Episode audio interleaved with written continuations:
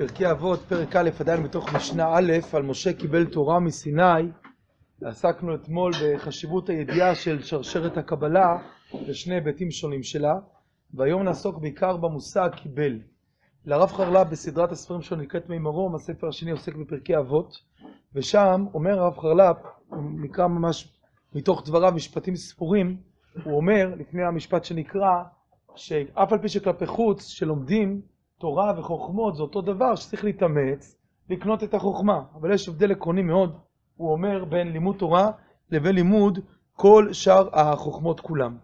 והמשפט שלו הוא כזה, באופן שבכל חוכמה הקבלה היא אמצעי להתחכמות, ובתורה התחכמות היא אמצעי לקבלה.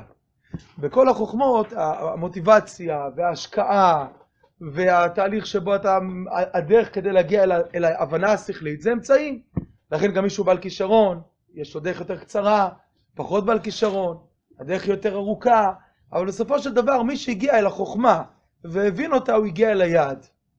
לעומת זאת, בתורה החוכמה היא אמצעי להיות מקבל, להיות קבל, כלי קיבול. לכן גם עיקר החוכמה, כמו שאומר מרגלה בפומי רבא בברכות דף י"ז, זה תכלית תורה, חוכמה, תשובה, מעשים טובים, שהוא אדם קורא ושונה ובועט באביו וברבו, ובמי שלימדו חוכמה. אבל, אבל יכול להיות שאתה יודע מצוין את החוכמה, יכול להיות שאתה אלוף בלהסביר דף גמרא. יכול להיות שאתה אלוף בלדעת את כל הפרשנים על הפרק הזה בתנ"ך. השאלה אם אתה קיבלת את זה. השאלה אם אתה מונח בזה. השאלה אם אתה עד הסוף בתוך הדבר הזה. משה קיבל תורה מסיני. זה לא שאלה רק של אמצעי להיות חכם, ואז באמת, ככל שאדם יותר בעל איי-קיו גבוה, זה היכולת שלו להתקבל, היכולת להתקבל לציון גבוה מאוד בפסיכומטרי. היכולת להצליח לעמוד במבחנים אה, כאלה ואחרים, היא תלויה בעיקר בכישרון, יש קורסים למיניהם שעוזרים לשפר, עוזרים לייעל, אה, כל מיני תרגילים. בסופו של דבר, אם לאדם יש כישרון גדול מאוד, הוא חריף מאוד מאוד שכלית, הוא צריך לדעת את התחומים הנלמדים, אבל אם הוא חריף שכלית, הוא יעשה את זה בקלי קלות, וגם אם הוא לא למד זה אף פעם, אז השקיע קצת זמן, ומי שלא חריף, הרבה מאוד קורסים, השיפור יהיה מאוד משני ביחס לבעל הכישרון. כי בסוף בסוף החוכמה היא המטרה. אבל כשאדם מגיע לתורה, השאלה היא כמה קיבלת. כמה אתה מונח בתוך הדבר הזה. כמה בסוף אתה חי את זה. לכן, אני מרחיב פה על דברי מרן הרב חרל"פ, הרי הגמרא אומרת, אם דומה הרב למלאך, השם צבקו, תבקשו תורה מפיו, ואם לאו, אל יבקשו תורה מפיו. כמה, כמה הרב חי את זה. כמה הוא מונח בזה. אם אין דוגמה אישית, אז, אז לא משנה שהוא יודע. אם הוא לא מונח את זה, הוא לא מקיים את זה. יכול להיות רב שיגיד הלכות שבת ולא מקיים שבת, אבל יכול להיות שאדם בשכל מבין חוכמה משהו, הוא לא חייב לחיות על פיה. הוא לא חייב ללכת עם זה. זה לא מחויב הקשר בין החוכמה לבין לקבל את הדברים. אני חוזר למשפט של אב חרל"פ. באופן שבכל חוכמה הקבלה היא אמצעי להתחכמות, ובתורה ההתחכמות היא אמצעי לקבלה. לכן תכלית הכל זה משה קיבל. זה היעד הכי גבוה. להיות מקבל. יש ביטוי, להיות ממעתיקי השמועה, נשמע מאוד, להעתיק את השמועה, נשמע מאוד מאוד לא, לא מרשים. זה לא טכני, זה להיות מסוגל לקבל את התורה ולהעביר לדור הבא בשלמות, בלי לצמצם שום דבר, להיות מקבל. ולכן דבר מרכזי בעבודת השם, בקבל, בלימוד התורה, זה לקבל את התורה, זה להיות מסוגל לקבל. יש כמה וכמה מאמרים על זה בחז"ל, וכמה וכמה מגדולי האחרונים שמעריכים בזה. שכתוב בגמרא, שהאמורה אומר לחברו, עד שתשמש אותי, כי תעשה לי איזה פעולה של שימוש, אז, אז זה לא מלמד אותך. מה, זה כבוד? אם אתה לא עכשיו ניגש רגע כתלמיד לקבל, אלא אתה סתם דן בזה בצורה אחרת, אז, אז, אז, לא, אז אתה לא, לא תבין. אתה תבין את החיצוניות של הדברים. אתה צריך להיות מקבל באותו דבר. החוכמה היא אמצעי לקבל, כאילו אין בורר חטא ולא עם הארץ חסיד. כמה שאדם יותר אוחז בתורה ומחכים החוכמה הזאת יותר פותחת אותו להיות מסוגל לקבל. בסוף השאלה היא כמה האדם מונח בתוך התורה שהוא למד. אי אפשר להיות מונח בלי שכל. אבל זה כבר לא שאלה של כישרון. לכן התורה גם שייכת לכל יהודי, כי כל יהודי יכול לקבל את התורה. לכן גם המידה הכי שכלית היא ענווה. שמשה רבנו זכה להיות הענב הכי גדול לבוא ולקבל. לבוא ולקבל. והנקודה היא פה לא רק ההשגה השכלית, את, אלא עד כמה אתה באמת מונח בתוך ההשגה הזאת, בכל רמ"ח איבריך ושס"ה גידיך. כמה אתה חי, לא כמה אתה חי את זה. כמה אתה מקיים את זה. זה בר קיימא או בר חלוף. הדברים קיימים או, או זמניים. זה מנותק ההשגה השכלית מכל מכלול חייך? אתה קבל של זה? מוסיף הרב חלפ עוד נקודה, ולא עוד, שבכל חוכמה לא צריך את החכם את חכמי דורו, זה רק טכני, שאתה אולי צריך לקבל מידע ממי שאין לך. הוא מביא את הגמרא במסכת תענית, בדף כ"ג, על חוני המעגל, נכון? שהלך ונרדם ל-70 שנה, ואז הוא חוזר ולא מזהים אותו בבית המדרש, ואז הוא, הוא לא מבינים, והוא לא מאמינים לו שהוא חוני המעגל. אבל עוד לפני שהוא פותח את הפה, הוא שומע שאומרים שנהירים השמועות כמו בשנות ימי חוני המעגל. מה הקשר? אתמול לא הבינו את התורה, פתאום מבינים את התורה כמו בשנות חוני. מה, מה השתנה? הוא לא פתח את הפה, אלא הוא חזר להיות ער. מדייק מזה הרב חרל"פ, שהרי שאותם בני ישיבות, אני קורא את לשונו, שרק אתמול לא היו נהירים להם השמעתות, פתאום נתנער למו. זה מפני שחוני המעגל נמצא אז שם, וכל זה למה? מפני שחכמי הדור בכלותם הם מקבלים בכל דור ודור את התורה ומתקיים בהם, כי השם ייתן חוכמה, ייתן חוכמה מפיו דעת ותבונה. ובלא התקשרות לחכמי הדור אי אפשר להשיגה. וזה התואר המיוחד למשה שרק על ידי שהוא היה משה זכה להיות מקבל. זה לא שוב חיצוני. חכמי ישראל מקבלים, הם הקבלים, הם הנשאים של התורה שבדור. מילה אם הם הקבלים, יש עכשיו איזו הערה בדור. מסתלק גדול בדור, מסתלקת ל- לרבים, הערה מסוימת עכשיו. אז לא אלמן ישראל, נולד זה, זר, הוא בא השמש וזרח השמש, אז, אז הקדוש ברוך הוא שותל צדיקים נוספים. אבל, אבל זה לא חיצוני, אפילו בלי שדיברו. צדיק גדול הסתלק, יש איזו הערה שהסתלקה עכשיו לכולם. חוני חזר, פתאום השמועות מהירות כי בשני חוני, כי הוא היה קבל גדול לדבר השם. כמה הוא היה חביב לפני השם. כיוון שהוא קבל גדול לדבר השם, פתאום יש איזו הערת תורה לכולם. זה ממש, עד כמה אתה קולט את ה... כביכול את האנרגיה האלוקית, כן? את דבר השם, עד כמה אתה כלי לקלוט אותו. זה לא חיצוני. זה, זה לא מתחיל אפילו רק מהשכל. זה עד כמה אדם בכלל הוא כלי לקבל, לקבל רצון השם. אחרי זה רק השכל מעבד את הדברים, מעכל את הדברים, חוקר את הדברים. חוני כל כך מונח שם, זה משפיע על כל הדור שלו. ולכן, לכן, אומר אבחלפ, זה הסיבה של ירידת הדורות. לא כי הכישרונות ירדו, כי המקבלים ירדו. כי המקבלים ירדו. זה אגב מה שאומרת הגמרא בסנהדרין, הרי שיש בברכות בסנהדרין, על ביי ורבא, כל אחד אומר את זה מזווית אחרת, על ה... על ה... על ה... סליחה, הגמרא בברכות, בסנהדרין זה רבא שאומר שבשני רב יהודה עסקו רק בסדר אחד של נזיקין בעיקר, ואנחנו שואלים 13 מחילטין באוקצין, 13 אה, אה, שיטות נוסחות באוקצין, אבל רב יהודה שולף לענו והיה יורד גשם, ואנחנו מה? אז רב אומר בסנהדרין הקדוש ברוך הוא לי בבית. ובבית בברכות אותו סיפור אומר, הראשונים מסרו נפשם על קדושת השם. כמו הסיפור על אותו אחד שראה משהו לא צנוע, קפץ שם פעל, אחרי זה התברר שהיה צריך לשלם על זה הרבה כסף, אבל כאב לו כבוד השם. כמה אדם מונח בזה שדבר השם איתו עד הסוף, עד הסוף. לא שאלה של רק כמה הוא מבין וחכם, כמה הוא מונח שם. והדבר הזה אומר, אומר אה, אה, הרב חלב, זה ירידת הדורות. על כמה אתה מוכן להיות מקבל של דבר השם, שזה מה שמחולל בך, זה מה שפועל עליך, זה היסוד שמהווה בך דברים. אתה מקבל את דבר השם או לא מקבל את דבר השם. הרב אומר בעולת ראייה, הגדולה על המשנה הזאת, הגדולה העליונה של האדם, המתעלה מכל, מעל כל גודל ונשגב, היא ההסתגלות לשמוע בקול השם, לקבל דבר השם, לא לחדש מעצמו, לא להעמיד חזון, לא להתחזק בעצמיות הכוחות המוגבלים אשר לאדם רק אם לכבל. ומשה אדון הנביאים, הענב שבכל האדם, אשר על פני האדמה, הוא בא אל העליונות הזאת, וכולי וכולי. זה, הרב קוק עסק מערכה שלמה באורות הקודש חלק ג' על עצמיות. והרב כאן אומר את היסוד של הענווה, שיש משהו מעל העצמיות, לקבל. לקבל מעבר למה שאתה משיג. זה היה הכוח של משה. האמת שהשלמה על הדבר הזה, ממש במשפט, יש בשמונה קבצים ח' קנ"ז, פסקה ארוכה, יסודית, מאוד, מאולפת סוד. היא עוסקת בקצרה במשה מול משיח. משה ומשיח, מה היחס ביניהם? והרב שם נותן הגדרה, משה רבינו כוללו, כוללו את כל נשמות ישראל, משה רבינו כוללו כל נשמות ישראל מצד התורה, ומשיח הוא כולל אותם מצד עצמם, מצד מחשבתם של ישראל הקודמת לכל. משה הוא נשמת כל ישראל, השורש מצד התורה. משיח מצד ישראל. אגב, יש פסקה אחרת באפילי תואר, שהרב אומר ש... שמשה קירב את הערב רב, זה בחינת טוב עין שבו, שזה בחינת משיח שבמשה רבנו. אבל משה רבנו מצד עצמו זה שורש של כל התורה כולה. ולכן הוא שורש של תלמידי חכמים, משה שפיר כאמרת.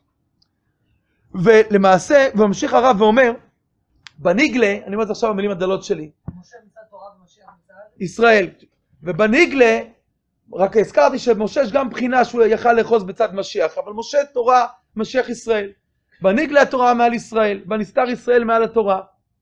ובהיבט הזה אומר הרב, לכן, מצד התגלות התורה הוא רק קרוב המשיח למעלת משה. לא קם ישראל כמשה עוד. אבל מצד שורשם של ישראל, משיח גדול יותר. זה שתי בחינות שונות.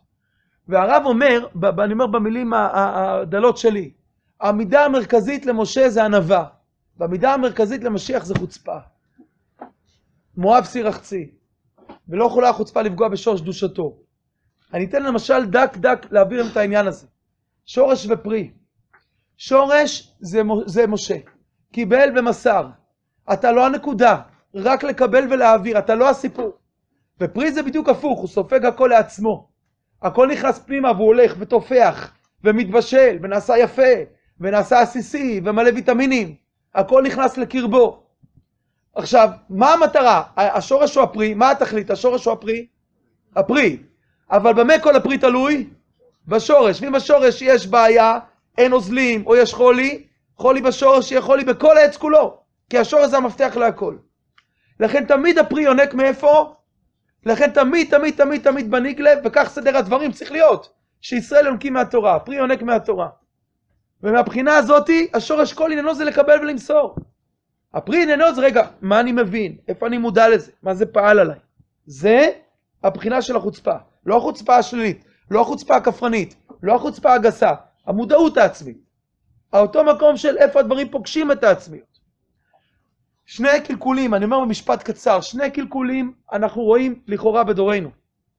האחד זה שבאים לשורש בחוצפה. באים לשורש בחוצפה. מי אמר? מה אמר? לא נראה לי. זה נראה לי מיושן, זה נראה לי לא רלוונטי. התנאים היו פעם. אולי משה רבינו אמר את זה בגלל חוקי חמורבי, שוש שור רבי, סוס רבי, לא, מה זה קשור? מי אמר זה משהו מעבר? כל מיני דברים שבאים בגסות וחוצפה על דברי אלוקים חיים. מן מלכי רבנן. ומי מעל רבנן? משה רבינו שהיה המכבל הגדול ביותר. קושיות אפשר להקשות הכל, לא צריך לפחד משום קושייה. אבל הגסות, לבוא אל השורש בחוצפה, זה קלקול נוראי. שאין ענווה לבוא ולשמש את דברי חכמים. ודברי חכמים מעידים על עצמם איך אין, אלא בקשת האמת, וחקר אחרי חקר, ולא נושאים פנים לאף אחד, ומבקרים את כל גדולי התנ"ך. אין כלום, כלום מה שחיפוש האמת. אבל מי שלא בא בביטול של ענווה, זה הקלקול הראשון, המסוכן מאוד. שבאים אל התורה הקדושה ודברי חכמים בלי ענווה. באים לשורש והופכים אותו לפרי. אז אין פרי ואין שורש והכל נובל. על זה נאמר, יבש חציר נא ולציץ, הדבר אלוקינו יקום לעולם. זה לא, אין לזה שום תוחלת. הקלקול השני המרכזי, זה הקלקול שבאים אל הפרי, איך? מה הטעות פה? שבאים לפרי ב... מה הקלקול? בענווה. שעכשיו כבר אין אתה, אין שאלות, אתה לא ראוי לשאול, אתה לא ראוי לחשוב, אתה לא מודע בכלל למה עובר עליך, אז אין פרי, אז אתה רק שורש. זה, הקלקול הראשון הוא קלקול הרבה יותר מסוכן. כי אם באמת יש ענווה, אז עוד יש תוחלת שיצא פרי, אז אתה עדיין מתחת לאדמה, אבל בסוף זה ינביט. משהו בסוף יתיישר, המאור שבה יחזיר למוטב. אבל אם אדם פוגע בשורש, זה הקלקול היותר מרכזי. אבל גם זה קלקול. שאדם לא מודע לשאלות שלו, לא מודע לשם שלו, לאות העצמית שלו, אז יכול להיות שהוא מדקלם אנשים קדושים מבחוץ, והוא לא חודר לאות שלו. את השם העצמי שלו הוא שוכח. הדברים נעשים לו כזרים. והעניש לו בתוך הגולה, כמאמר מפורסם של הרב קוק באורות הקודש חלק ג'. זה שבאים לפרי, ואין את המודעות הזאת בעצם של הבחינה של גאולה, של משיח, של מודעות. ושני הדברים האלה מהירים בדור שלנו. ואסור לבלבל ביניהם. אסור לבלבל ביניהם. מצוין שבסוף לימוד אדם שואל את עצמו, מה זה אומר לי? מה הסוגיה מדברת אליי? מה זה מאיר לי בחיים? איפה אני פוגש את זה? איפה אני חי את זה? מצוין, בסוף הסוגיה. מותר גם בתחילת סוגיה לשאול, רגע, מה האינטואיציה הראשונית שלי? מה הרגע, המושג הראשון שיש לי? זה גם בסדר כנקודת פתיחה, לראות אם היא נכונה. אבל אתה חייב להשתחרר ולהבין שעכשיו כשאתה ניגש לקבל את התורה, אתה מתעסק בקודש קודשים. בקודש קודשים.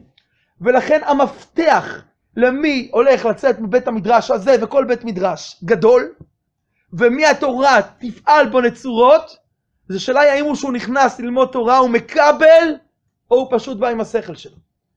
להתפלפל, לוגית, הגיונית, מה אני מבין, מה אני משיג, יש לו השגות שכליות. אם אתה בא לקבל, תפעיל את השכל, תחקור הכל, תקשה הכל. אל, תפ... אל תפחד משום קושייה. אבל אז התורה פועלת לך, כי אתה מקבל. מתוך זה יש את הבחינה של משיח, של איפה זה מאיר בך, איפה זה גואל אותך, איפה זה גואל את העולם. אל תבוא לשורש בחוצפה, אל תבוא לפרי בענווה. תחבר את שתי הפ... זה לא הפסקה שם, זה רק אפשר להוציא מהפסקה שם את המשפט הזה, אבל, אבל תחבר את שתי הבחינות. אבל בעניין שלנו משה קיבל, הוא היחידי שנקרא קיבל. למה לאחים לא כתוב קיבל? כי רק משה זכה להיות מקבל עד הסוף. כולנו לאחר מכן, מה אנו בכלל? אם על יהושע כבר זה לא כמו משה, איפה אנחנו בכלל?